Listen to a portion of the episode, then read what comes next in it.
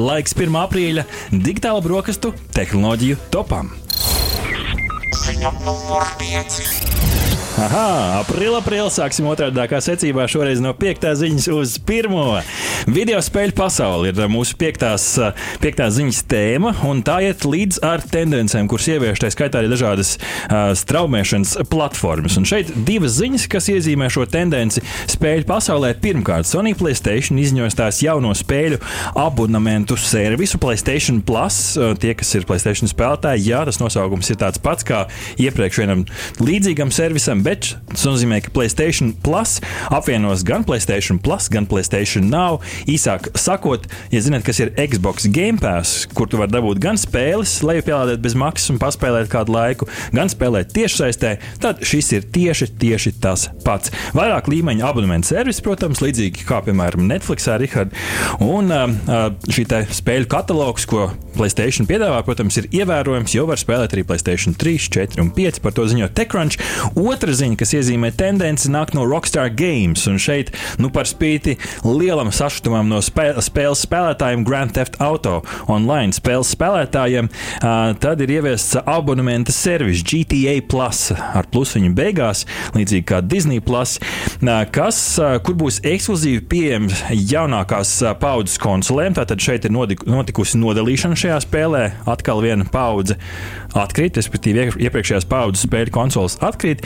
Un šis servis jaunās paudzes konsolēm piedāvās ekskluzīvu spēles saturu, īpašumus, automašīnas, spēles, naudu, atlaides spēlē un citus bonusus, kas ir interesanti. Rihard, tāda tendence iezīmējās, ka arī nu, tas digitālās kopijas un abonēšana iet uz urā. Jā, nu es savukārt domāju, cik gan ilgi GTA radīs kaut kādu jaunu mazu gabaliņu, ko atkal pārdot kādam. Bet pērk, Rihard, bet pērk. arī es tā skaitā esmu jau abonējis. Jā, es tomēr gaidu to jauno GTA, lai vai kā.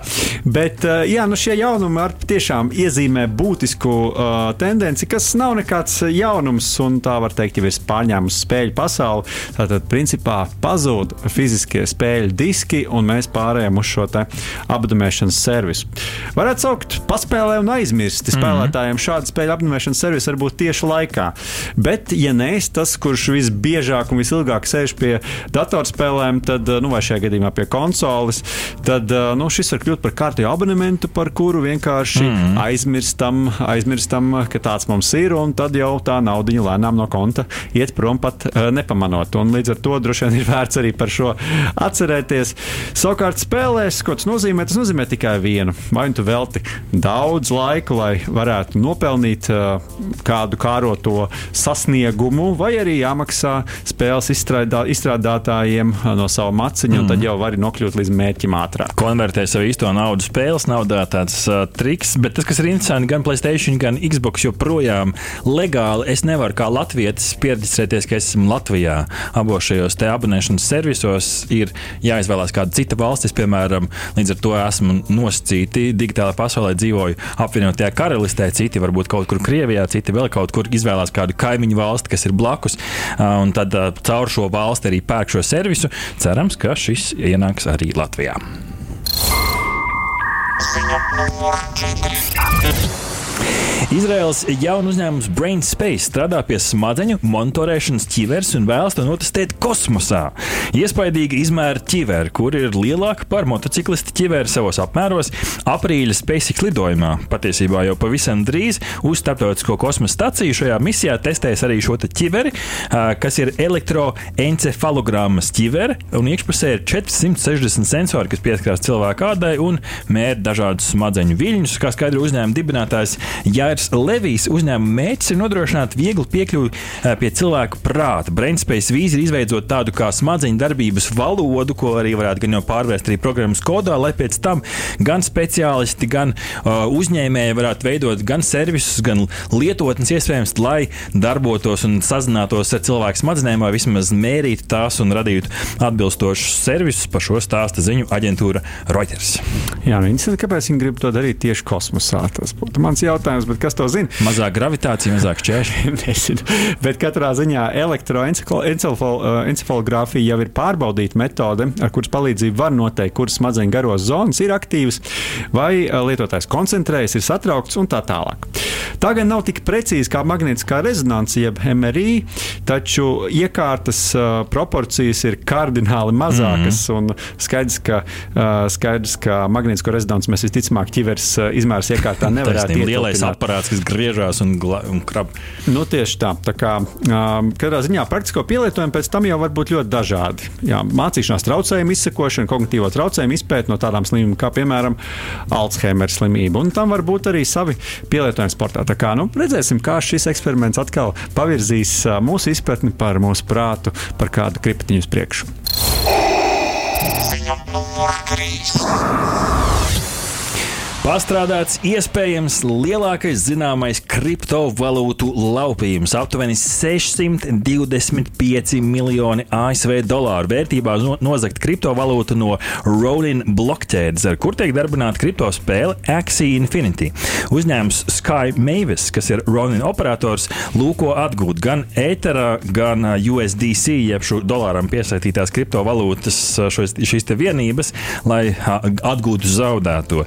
Ar minēt minētajām kriptovalūtām šī spēle Axie Infinity spēlē spēlētāji varēja dabūt šīs iepriekš minētās spēles naudiņas, un tā skaitā pirkt arī non-fungible tokens, jeb NFTs. Un uzbrucēji ir izvēlējušies tādu interesantu piekļuvi. Viņi ir uh, uzbrukuši nevis varbūt tīklam, bet tieši parolēm, ar kurām var tikt klāt pie maciņiem, un tādā veidā uh, nauda ir nozagta, kas ir interesanti un iezīmē kaut kādu uh, varbūt loģiku un procesus, kā tas notiek. 23. martā viņi sāk un tikai nedēļu vēlāk šo konstatēju investē. Tad, tad septiņas dienas viņi skaitīja naudu nost. Tas ir interesanti no tāda uzbrukuma analīzes viedokļa. Un, kamēr uzņēmums cenšas atgūt zaudēto spēlētāju, spēlētāju iegādātie NFTs un Pokemoniem, sapratu, līdzīgie tēli šajā spēlē joprojām nav skarti, bet transakcijas līdz tam brīdim ir pārtrauktas, kā ziņo portāls The Verge.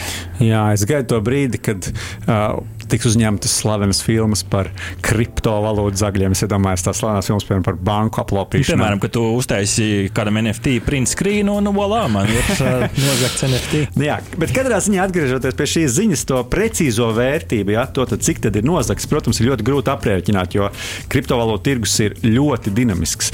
Līdz ar to varētu vēl diskutēt par to, vai šis ir bijis visu laiku lielākais laupījums. Katrā ziņā vērtība kriptovalūtām ir uzgā, uzgājis brīdī arī tik augsts augstu, lai šis patiešām varētu būt šī titula cienīgs notikums. Tā kā nu, redz, kā krāpnieki darbojas arī digitālo valūtu pasaulē.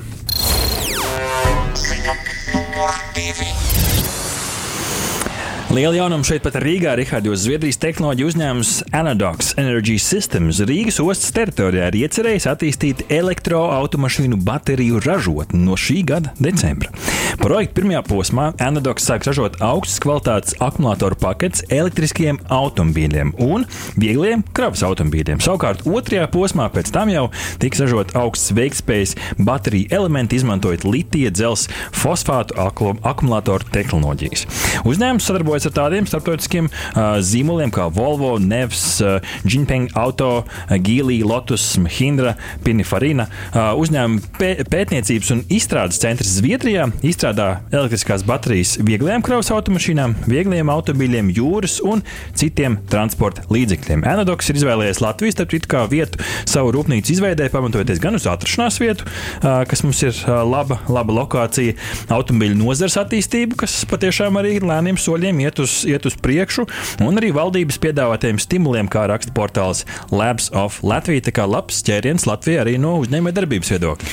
Jā, nu, protams, jāgaida tas brīdis, kad arvien vairāk tieši tā izpēta un attīstība notiks Latvijā, ne tikai Zviedrijā, un tad mm -hmm. mums notiks tā ražošana, bet arī tas, protams, ir ļoti labs solis, par ko ir liels prieks. Un kas ir ļoti būtiski, rūpnīca nebūs tikai priekš tam, lai komplektētu šos akumulatorus.